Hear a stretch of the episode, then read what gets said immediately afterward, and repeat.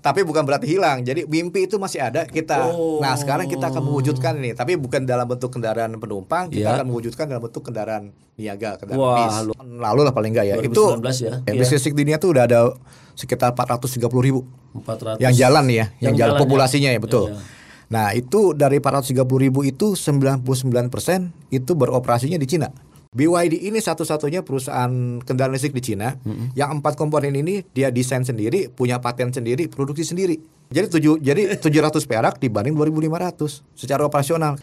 Apakah betul Indonesia itu udah siap Ya. untuk main di mobil listrik atau misalnya belum siap? Tutup pintu Mas Bro. Starter.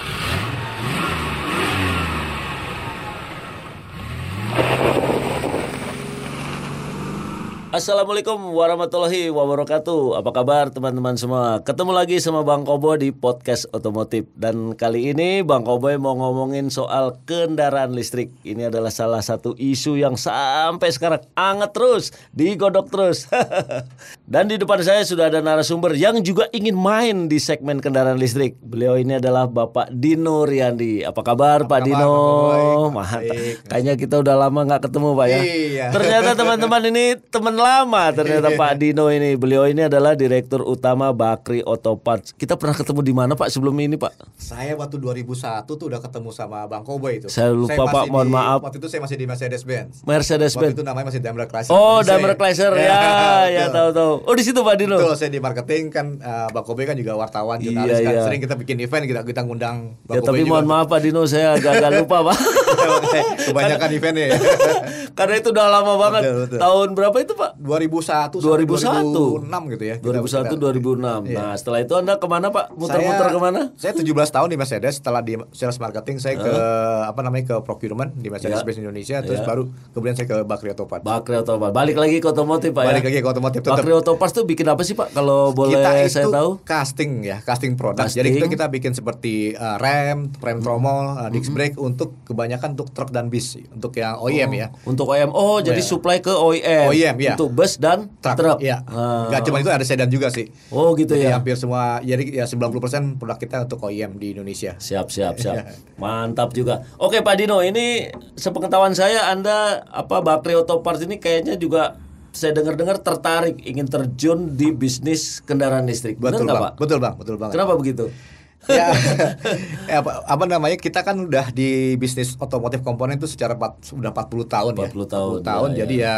semua kendara apa bisnis otomotif itu pasti maunya berkembang lah Ya, menjadi ya. menjadi OEM somehow. Ya, nah, ya. kita pilih itu untuk menekuni di kendaraan listrik terutama untuk bis. Nah, kenapa milih bus, Pak? Kenapa nggak milih passenger atau motor misalnya? Oke, kenapa ada- harus bus, Pak? Betul. Uh, ada beberapa alasan ya, Bang ya. Tapi Kenapa, yang kenapa? paling besar adalah kalau kita punya nilai apa punya ideal ya untuk melestarikan lingkungan, untuk mengurangi polusi, Hmm. Ya, itu ya, kita ya, harus ya, ya. attack-nya tuh di segmen kendaraan niaga karena berdasarkan apa statistik Ya. 40 terus 47% polusi di kota-kota besar itu Ya. diakibatkan oleh asap kendaraan bis. Oh, transportasi, Transportasi betul. Oh. Jadi kalau kita apa namanya uh, masuk di situ, Iya, iya. upayanya akan jauh lebih, jauh lebih terasa lah, jauh lebih transportasi signifikan. kita kayaknya masih ngebul terus Pak knalpotnya betul, Pak.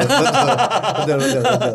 Oh masuk di segmen Masuk bus. segmen di bis ya. Eh, menurut anda ini apa? Memang ke depannya menguntungkan atau atau gimana Pak Pak Dio? Oke, ya saya mesti lihat Nah. ke statistik lagi ya. Kalau di statistik ya, apa namanya dari 100 hampir 110 juta kendaraan yang beredar di Indonesia termasuk motor ya. Iya ya. Itu bis itu cuman adanya 2% Jur, Bang. Oh. Itu untuk rasio suatu negara berkembang Kurang ya? ya. itu kurang sekali. Jadi ke depannya jadi kasarnya bahasa Inggrisnya tuh you can only go up lah. Hmm. Jadi pasti ini sini adalah segmen yang akan terus berkembang.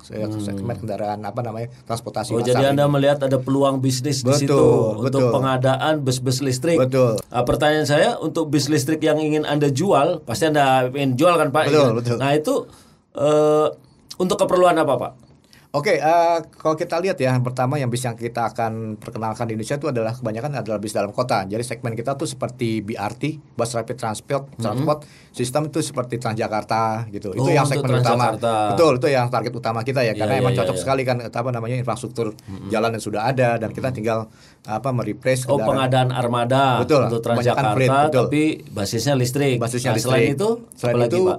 Kita baru juga kan yang untuk yang swasta juga dia ada yang seperti apa namanya yang untuk melayani satu daerah tertentu aja suatu kompleks misalnya di Bali itu ada ITDC jadi untuk yang untuk butuh kendaraan bis listrik untuk mengangkut turis yang ada di situ Oh, untuk transportasi turis segala macam betul. travel gitu-gitu Betul. Pak ya. Baru ke belakangan baru kita akan mungkin merambah ke akap ya apa namanya antar provinsi. Oh, antar kota, antar betul. provinsi, ya. Tapi kan kita butuh infrastruktur lebih Iya develop dulu Pak. untuk sampai ke Jadi situ. kalau naik bus listrik dari Jakarta ke Semarang, ntar nggak ada stasiun pengisian ngecas di mana Pak? Betul.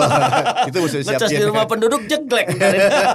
betul betul betul bang betul bang. Tapi Pak Dino, Ya. kalau anda memang mau serius main di kendaraan listrik atau Ya. di bus listrik, nah anda gimana melihat eh, infrastruktur kita? Apakah sudah memungkinkan untuk 4 tahun 5 tahun ke depan? Oke.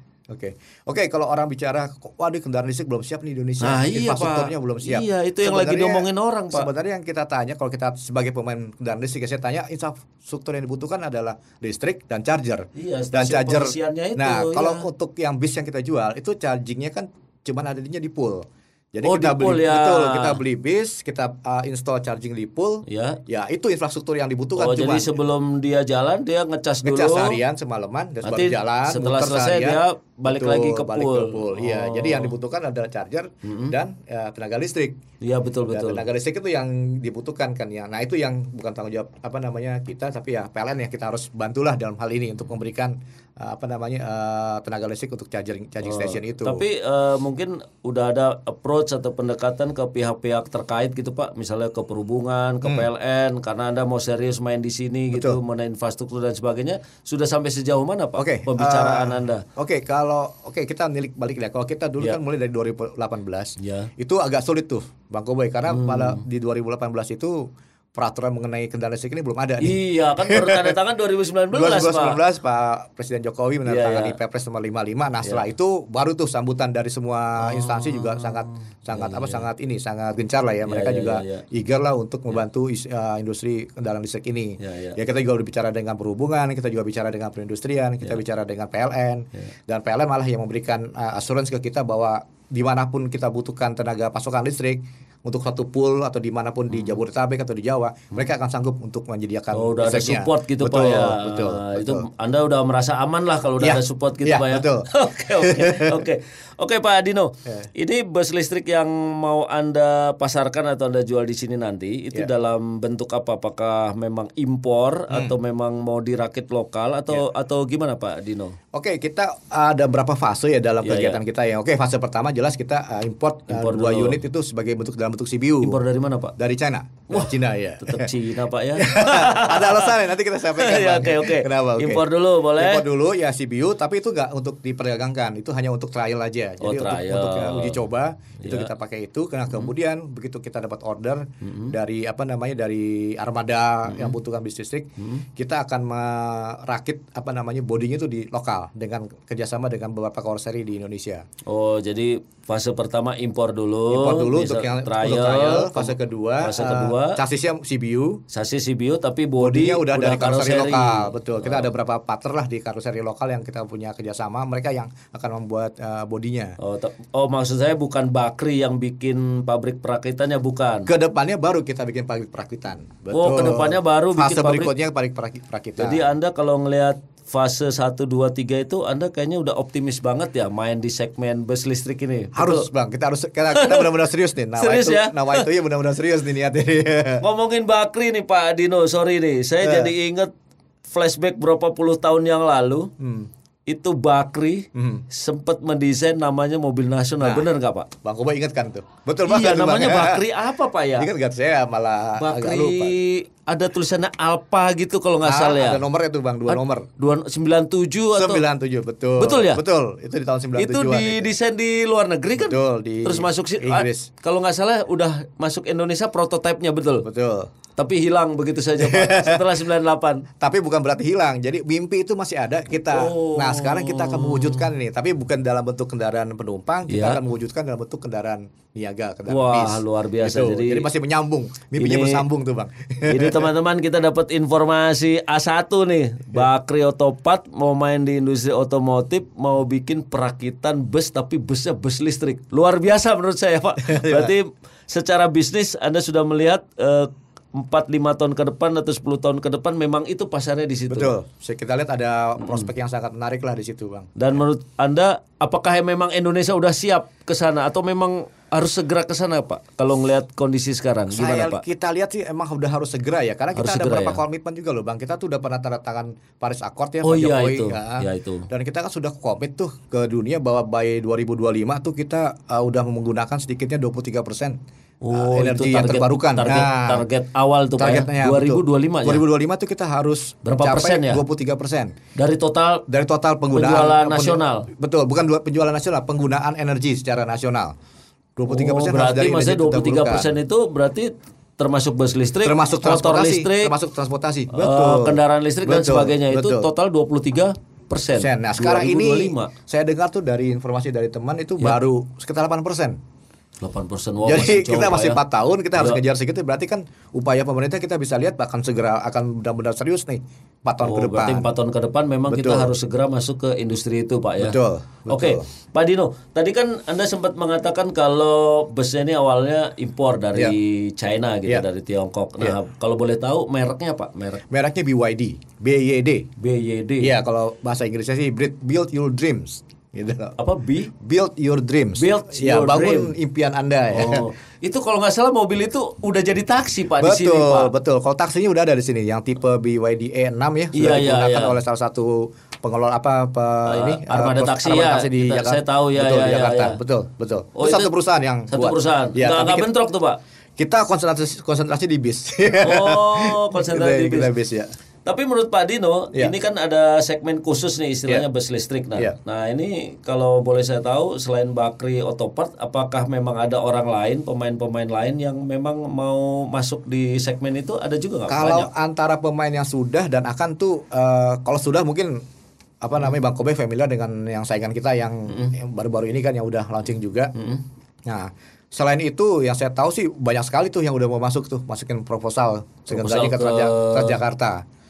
Jadi mau merek eh, Cina, mau merek Eropa, mau merek mana Amerika tuh udah ada semua Oh, tuh jadi tuh. ini apa ya? Banyak pemain. Banyak pemain. Banyak orang yang ingin Betul, main di betul. segmen bus listrik Betul, ini. betul, Lah belum belum udah banyak saingan ya, Pak? Ya kita kita percaya diri lah. Baik Pak Dino, penjelasan Anda sangat menarik sekali. Tapi saya masih belum jelas nih Pak Dino. Iya. Bisa nggak ada cerita gimana sih peta bisnis eh, kendaraan listrik, terutama bus listrik di dunia secara Iya. global gitu Pak? Oke. Bisa nggak Pak? Ada Bisa, bisa, bisa, bisa. punya referensi Pak? Ya Silakan. gini bang ya apa se per tahun ini atau tahun lalu lah paling enggak ya 2019 itu ya. kendaraan listrik tuh di dunia tuh udah ada bis listrik sorry Ya, bis Maksud saya listrik, ya. bis listrik dunia tuh udah ada sekitar 430 ribu 400. yang jalan nih ya yang, jalan jalan ya. populasinya ya betul Ya, ya. nah itu dari 430 ribu itu 99 persen itu beroperasinya di Cina Berarti di Cina busnya bus listrik semua Pak? Betul, sekarang? malah ada di beberapa provinsi seperti Iya. di Se- di Sichuan itu, di Shenzhen sorry maksudnya, di Shenzhen itu 100% bis dari 16-an ribu bis yang ada di sana semuanya bis listrik. Jadi bus biasanya udah nganggur udah nggak ada, udah nggak ada bis diesel lagi. Itu mulai kapan mereka menerapkan Itu 100% bus Dari listrik? tahun sekitar tahun 2010 tuh, mulai usaha mereka tuh udah mulai jalan tuh dari Berarti 2010. kita ketinggalan banget Pak ya. Iya kalau dibanding Cina. Tapi kalau misalnya Eropa, Amerika, apakah sama? Betul, mereka juga apa Situasinya. namanya? Di sana juga mereka juga mulai ini ya, mulai bergerak untuk meng, apa melistrikkan bis mereka Hmm, ya. Tapi dari segi populasi itu tetap masih kalah lah dibanding ke dengan keadaan, keadaan di Cina. Iya. Itu juga salah satu alasan kenapa kita bermitra dengan perusahaan Cina gitu. Oh, jadi Cina itu ternyata lebih advance ya Pak Betul, ya? dari- Jauh lebih advance dari jauh advance. Eropa, Amerika Betul. karena 2010 tadi Anda bilang ya. 2010 mereka tuh udah mulai electrified eh, armada listrik apa armada bis mereka di sana. Nah, itu kenapa alasan Anda akhirnya bermitra sama mereka. Betul. Dan kenapa milih merek BD? Setahu Nah. saya di Cina itu merek bus listrik juga banyak, Pak. banyak banget ada istilahnya puluhan. bang, istilahnya bang ya kalau tiap provinsi di Cina itu minimal ada 3 4 merek tuh. Satu provinsi. Satu provinsi di Cina, mereka ada sekitar 30 40 provinsi. Satu Hmm. provinsi itu pasti ada perusahaan kendaraan, kendaraan listrik itu minimal tiga. Hmm. Jadi kita kita pilih-pilih banget tuh kenapa kita pilih BYD ini. Oh, Anda milih salah satu. Udah pilah-pilah banget, Iya, akhirnya kita- pilah-pilah. betul, Nah, kenapa akhirnya keputusan Anda pilih merek BYD, BYD. itu Nah, ya, oke BYD. ada beberapa alasan nih ya, Bang. Hmm. Yang Persatu itu kalau kita lihat secara statistik emang produser kendaraan listrik terbesar di dunia tuh sampai 2019 adalah B- uh, BYD. Oh, Betul. Orang pikir kan terbesar ya? Tesla gitu ya, tapi emang belum. Kalau dikombain antara BIS sama saya dan BYD itu paling besar di dunia produksinya. Hmm. Itu mereka bisa begitu kenapa? Karena mereka didukung oleh industri baterai yang mereka punya. Oh iya. Karena awalnya kan BYD ini kan Iya. perusahaan baterai nih bang. Iya. Ya baru oh, aslinya perusahaan, perusahaan baterai, baru Ih, bikin bus gitu. Baru bikin bis, eh, ber- berevolusi Iya, membuat iya, iya, iya, Tapi- iya, iya. Jadi tapi kekuatan suatu kendaraan listrik adalah di baterainya. Betul, betul. Jadi kalau kita udah pegang baterai, selan- untuk selanjutnya lebih bikin jauh apa lebih aja gampang. bisa ya, Iya, mau bikin motor, bikin betul, mobil, bikin bus. Betul, karena Gampang, kan? kasar jantungnya udah ada gitu. Nah, di setelah kita lihat-lihat di Cina dari Hmm. segitu banyak merek yang minimal tuh di kendaraan listrik itu kan ada empat core komponen ya. Iya, iya. Kita sebut satu baterai. Baterai pasti. Baterai terus ada uh, apa elektromotor motornya Ya, motor terus ada yang kontrol sistemnya ya. Terus kemudian ada charging system. Nah BYD ini satu-satunya perusahaan kendaraan listrik di Cina. Yang empat komponen ini dia desain sendiri punya paten sendiri produksi sendiri. Wah, hebat banget gitu ya. jadi makanya kita ngelihat wah ini nggak ada ketergantungan di mereka sama orang lain nih Oh, biasanya kan ada misalnya ada merek atau produsen cuman baterainya doang, Betul. tapi kontrol sistem segala Betul, macam bisa masih dari yang lain Dari yang gitu lain. Nah, kalau dari ini lain. semuanya itu desain mereka buatan sendiri. integrated mereka semua jadi kita uh, jadi ngerasa nyaman juga lah bang ya ya ya ya. Udah gitu nomor satu di dunia dan kemudian untuk membuktikan bahwa ini perusahaan internasional, 25% saham dari BYD ini yang punya uh, Warren Buffett, Berkshire Hathaway. Oh, gitu ya. Jadi ya sebenarnya ini perusahaan internasional nggak Iya, cuma iya, perusahaan iya, iya, tradisional iya, Cina iya. aja Nah, gitu. Karena konotasinya gini Pak Dino ya masih 50-50 lah Iya, ya image konsumen mengenai mobil Cina, Cina, iya, apalagi nanti Anda juga mau masukin bus dari Cina itu kan Iya. konsumen kita tuh kayaknya masih 50-50 lah Betul. secara brand image gitu Betul. loh Pak. Ya. Nah, baru Anda ceritakan ternyata itu perusahaan internasional.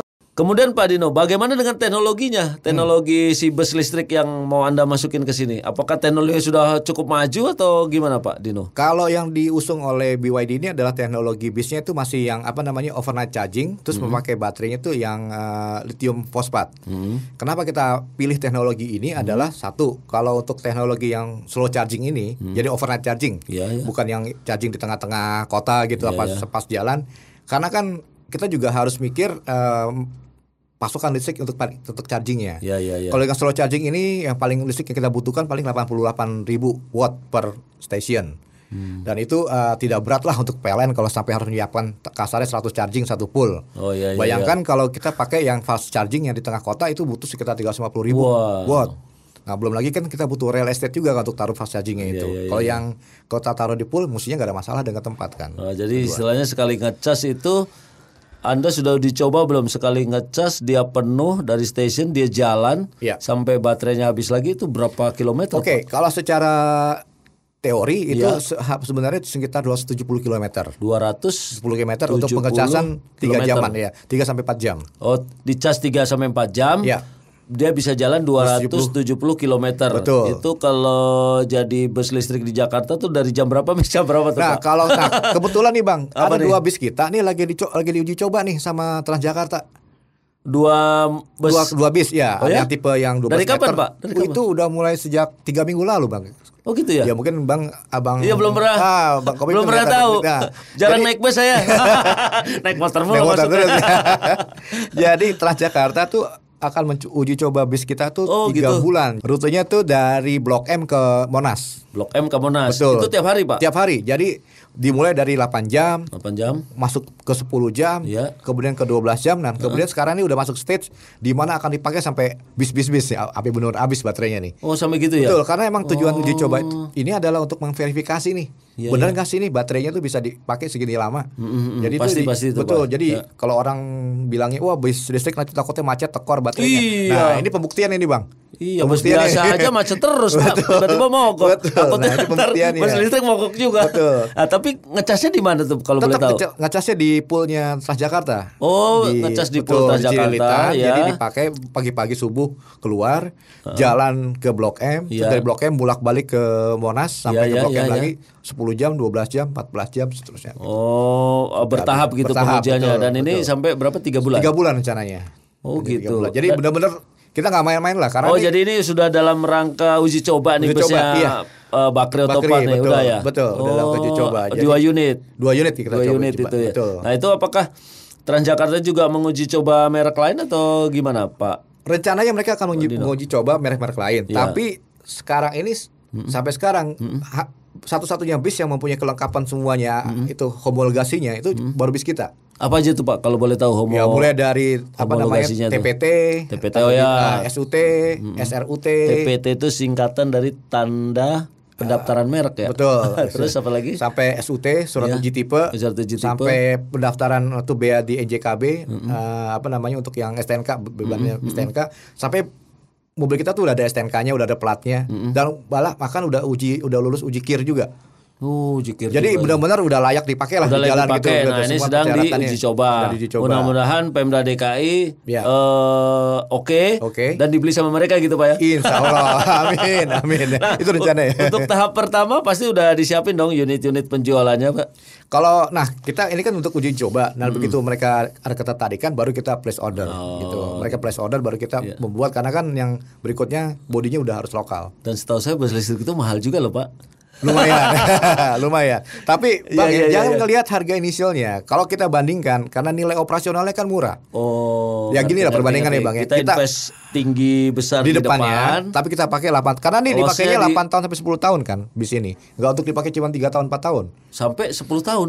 Kontrak yang diminta oleh Transjakarta adalah 8 plus 2. Jadi bisa 8 sampai plus 10 dua. tahun. Oh, 8 Nah, tahun tambahin 2 tahun. Betul. Nah, sekarang gini aja nih Bang, hasil yang udah dites uji coba kita itu kita satu kWh itu bisa untuk eh, satu kilometer. 1 kWh 1 km. Betul. Nah, kalau bis diesel mungkin Bang Koboy tahu kan, Hmm. eh, satu liter untuk 2 kilometer. Iya, iya, iya. Harga diesel yang subsidi 5.500. Ya. Berarti kan kalau setengah liter 2.500. Iya. Nah, kalau ini satu kilometer satu kWh. Satu kWh kalau kita listrik di rumah Berapa 1.600 perak. 1600. Nah, itu listrik listrik ini ya, listrik oh, yang secara rupiah aja udah Iya. jauh lebih murah, Pak Nah, ya. tapi rencananya pemerintah nah, mudah-mudahan di, di- segera dilaksanakan PLN akan memberikan harga sekitar 700 perak untuk mencas Oh, subsidi listrik. dulu. Subsidi. Wah, lebih murah lagi Nah, berarti. makanya jadi tujuh jadi 700 perak dibanding 2500 secara operasional kali 250 km Jadi cara hitung-hitungan angka ini eh, kayak bus listrik ini nanti dalam pemakaiannya jauh lebih murah. Bisa lebih murah, iya. Akan Pak, lebih ya. murah, akan lebih murah. Lebih murah dari Jadi total ownership cost-nya betul. ya, iya. ya, Jadi ya. kalau harganya itu semua di- digabungkan, Ya. akan lebih murah. Belum lagi kan servisnya juga lebih murah, Bang. Nggak ada ganti oli. Nggak, iya, kasihan oli. itu tukang olinya tuh Pak. Nggak ada ganti filter. Iya, iya, nah, iya. itu kan paling enggak tuh 25% Pokoknya habis sampai 30%. ngecas, habisnya ngecas gitu. Yang iya. perlu dijaga adalah sumber listriknya Pak ya. Iya, yang- supaya nggak jeglek lah kira-kira gitu. part yang diganti ya ban ya sama, diesel Iya, ganti ban, iya, kampas rem itu tuh. Oke, keren, keren keren. Tapi Pak Dino sampai hari ini sudah sejauh mana Anda mematangkan proyek eh, bus listriknya Bakri ini Pak? Sampai sejauh ini udah berapa persen persiapannya dan segala macam? Oke, eh, kita kan eh, sekarang masih tahap uji coba ini. Iya, iya. Mudah-mudahan insya Allah bulan ini atau bulan depan kita bisa dapat terima order. Setelah itu, nah baru kita masuk ke fase eh, apa namanya eh, persiapan untuk pembangunan eh, sarana industrinya, Industrinya, ke depannya di tahun oh, depan. Jadi mulai sendiri lah. mulai perakitan ya, Mulai perakitan, perakitan chassisnya. gitu, Jadi iya, by iya. Lahan sudah ada, pabrik sudah ada atau mau? Udah ada beberapa alternatif Oh, kita iya, sedang iya. bicarakan. Ada juga beberapa mitra. Yang jelas kita juga kan bermitra dengan prinsipal kita kan dari BYD. Iya, iya. Tapi ada beberapa mitra lokal juga yang udah menunjukkan interest nih untuk berpartner dengan kita. Iya, iya, iya, iya. Jadi ya kita bisa keroyokan lah untuk industrinya gitu. Oke, selain PT Transjakarta mungkin ada klien lain yang mau dibidik atau Anda sasar untuk penjualan bus listrik ini, Pak Dino? Ada klien yang kita bidik lagi adalah salah satunya adalah proyeknya dari dinas apa namanya Kementerian Perhubungan. Nah, mereka punya program Untuk apa tuh? bis juga. Jadi kayak kayak Transjakarta tapi di daerah-daerah lain. Oh, Transjakarta tapi di kota-kota di luar Jakarta. Betul, mulai ya. dari Medan, di Pekanbaru, Palembang, Jogja, Solo, Bandung, Marang. Oh, Nah, berarti pasarnya masih terbuka masih, nih, Pak ya? masih, masih, masih nah, buka. bus listriknya itu bus listrik yang kapasitas berapa sampai berapa, Pak Dino? Kan Nah, macam-macam. betul. Nah, yang sekarang yang kita tawarkan ada dua macam ya, yang 12 meter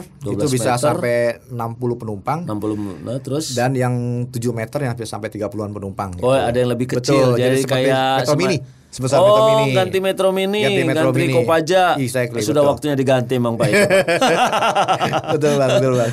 Menarik sekali Pak Dino ya cerita Anda mempersiapkan untuk bermain di segmen kendaraan listrik terutama bus listrik. Bakri akhirnya masuk juga di situ.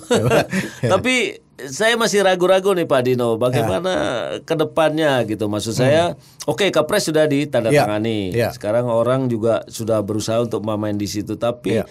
eh untuk ke depannya tuh Pak, Ya. apakah memang ya kalau melihat plus minusnya Iya. infrastruktur dan segala Iya, macam. iya.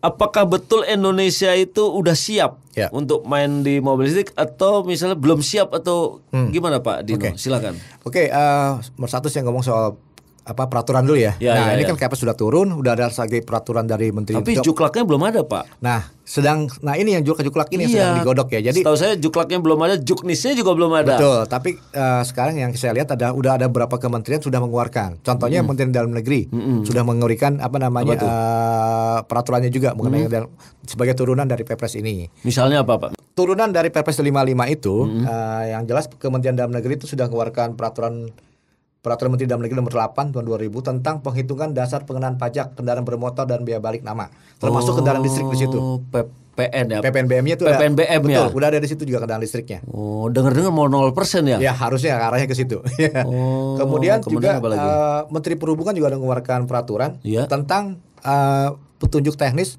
untuk pengecekan untuk eh, apa namanya eh, persyaratan teknis layak jalannya kendaraan listrik. Hmm, Jadi waktu kita pertama kali bawa bis listrik eh, Iya. ke balai uji Iya.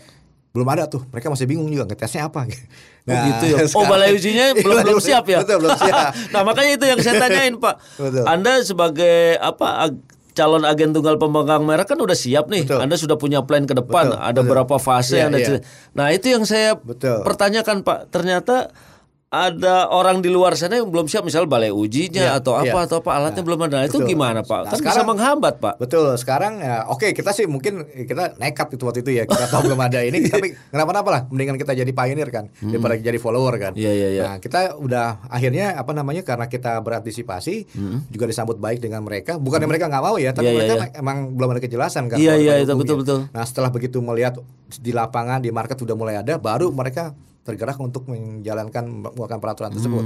Jadi ya terima kasih sekali dengan Kementerian Perhubungan mereka juga sudah mengeluarkan Hmm. Oh, peraturan. iya, Jadi iya, iya, iya. sekarang udah tahu nih kalau bis masuk ke Balai uji? apa yang dites udah jelas Oh. kriteria persyaratannya apa aja udah jelas Tahu saya kalau masuk balai uji itu dites ininya doang Pak lampunya Pak. enggak apa enggak lah bang sama remnya. Enggak, saya pernah ke balai uji, ada mobil dites, dicetekin lampunya, lampu jauh, lampu dekat, terus diinjek rem. Ini kapan jalannya saya bilang. Ya. sekarang mereka udah punya alatnya semua Udah punya alat. listrik. Nah, Iya. alhamdulillah gitu Betul. loh Pak. Jadi dukungan dari pemerintah terutama yang terkait itu kan Betul. mesti harus siap. Jadi Betul. produsennya calon produsen calon ATPM udah Iya. siap tapi Betul. kalau belum didukung sama mereka kan susah Pak gitu nah, loh Pak. berikutnya nanti kan harus ada keluar lagi dari Kementerian Perindustrian mengenai skema CKD atau IKD-nya. Oh iya. Terus ada lagi dari Kementerian ISDM harga listrik nih fixnya berapa nih untuk yang industri ini? Oh, nah, Nah, itu belum PLN belum keluar. Belum. Nah, termasuk juga untuk lingkungan hidup. Baterai kalau dipakai setelah dipakai Mau diapain nih? diapain? Mau diapain? Betul. Ini jadi ini Dibuang atau betul, didaur ulang ada segala? ulangnya gimana prosesnya, kriteria seperti apa. Kemudian yang paling penting lagi ya dari Kementerian Peru, apa pe- keuangan biaya masuknya berapa Oh nih? iya benar. Ya, nah jadi itu itu, itu yang masih itu di pipeline. Belum ada ya, belum masih ada. jalan, Sampai masih hari jalan. ini belum Iya, ada Pak ini ya. Belum, tapi insya Allah tahun ini pun mesti sudah ada. Tapi ini kan berburu dengan waktu Pak, Betul. 2025. Betul. Artinya lima tahun lagi lah. Ini Iya. kalau peraturannya setahun dua tahun ini belum keluar kan Harusnya. Anda ikut, Anda bisa kebingungan ini gimana nih? iya. Gue mau masukin belum ada. Tapi kita yakin, kita udah lihat keseriusan mereka juga. Jadi ya kita yakin uh, pada time kita mau mengindustrikan, mau mengindustrikan apa kendaraan bisnis kita ini, peraturannya sudah in place, sudah ada gitu. loh. Udah ada itu. Oke, oke, siap-siap. Saya dengar banyak sekali pemain-pemain yang ingin bermain juga di segmen yang sama sama Bakri Auto Parts nih, Pak. Betul, Main betul, di Bang. balistrik. Betul, ada berapa? 30-an, 40? Tiga puluhan aja sih ada kayak bang. 30 Proposal. aja. Proposal mereka udah ada, mereknya udah masuk Indonesia. Iya. Tapi ya state-nya ada yang baru masuk, butuh partner lokal atau baru mau bikin APM-nya. Nah, kalau Bakri Auto Parts-nya di tahap mana itu? kita mungkin yang paling ke depan ya kita udah jadi udah APM kita Oh, member, udah APM. betul kita member Gaikindo Iya. kita juga Oh, udah member Gaikindo udah juga? member. Wah, alhamdulillah kita udah member Gaikindo Nah, terus? udah member Gaikindo dan apa namanya kita juga kendaraan kita juga sudah di melakukan uji coba dan semuanya itu Udah uji coba betul. sama Transjakarta ini? makanya makanya kita bisa diuji coba Oh Anda udah istilahnya lebih maju Iya. ketimbang proposal yang lain gitu. Betul. Saya dengar-dengar proposalnya itu juga ada jenderal-jenderal, ada anaknya menteri benar apa sih? Wah, itu saya nggak bisa komen itu bang. Pak Dino tadi kan Anda cerita bus BYD Anda lagi diuji coba sama Iya. Transjakarta. Iya. Boleh Pak saya nyobain? Wah, boleh banget bang. Kan istilahnya Oh, kan tidak gimana kenal maka tidak say. Oh, Tidak gitu ya. sayang tuh ya. Ajak dong saya ke sana. harus kalau mau Ngerasain. bikin iya kalau nggak ngerasain sendiri kan Iya. cuma cerita katanya orang kan. Iya, Jadi iya. kalau saya bilang wah ini bis ini nggak ada suaranya. Nah, Iya listrik bisa- nggak ada suaranya nah, pak. mesti buktiin. Nggak maksudnya saya mau, mau buktiin apa benar busnya ada, Betul, nyaman betul, apa betul, enggak, betul. eh, mogok apa enggak. Betul, betul, gitu. betul, Nah betul. gitu ajak Siap, saya ke sana pak. Bisa diatur kapan Bisa aja. diatur ya? Kalau perlu mau syuting podcast di sana gak Wah silakan aja. mantap, mantap Pak Kita Dino. manfaatkan, Bang. Ya siap siap.